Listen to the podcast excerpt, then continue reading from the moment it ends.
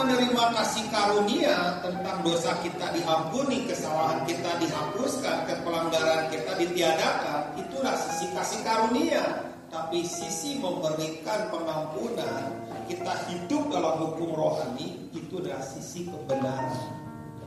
Hiduplah di situ.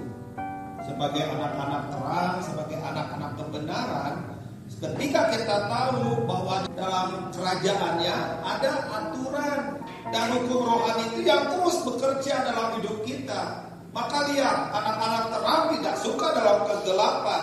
Anak-anak terang akan mendekat kepada terang. Anak-anak kebenaran tidak suka dengan ketidakbenaran. Segala sesuatu ketidakbenaran itu adalah kegelapan. Anak terang adalah anak yang suka dengan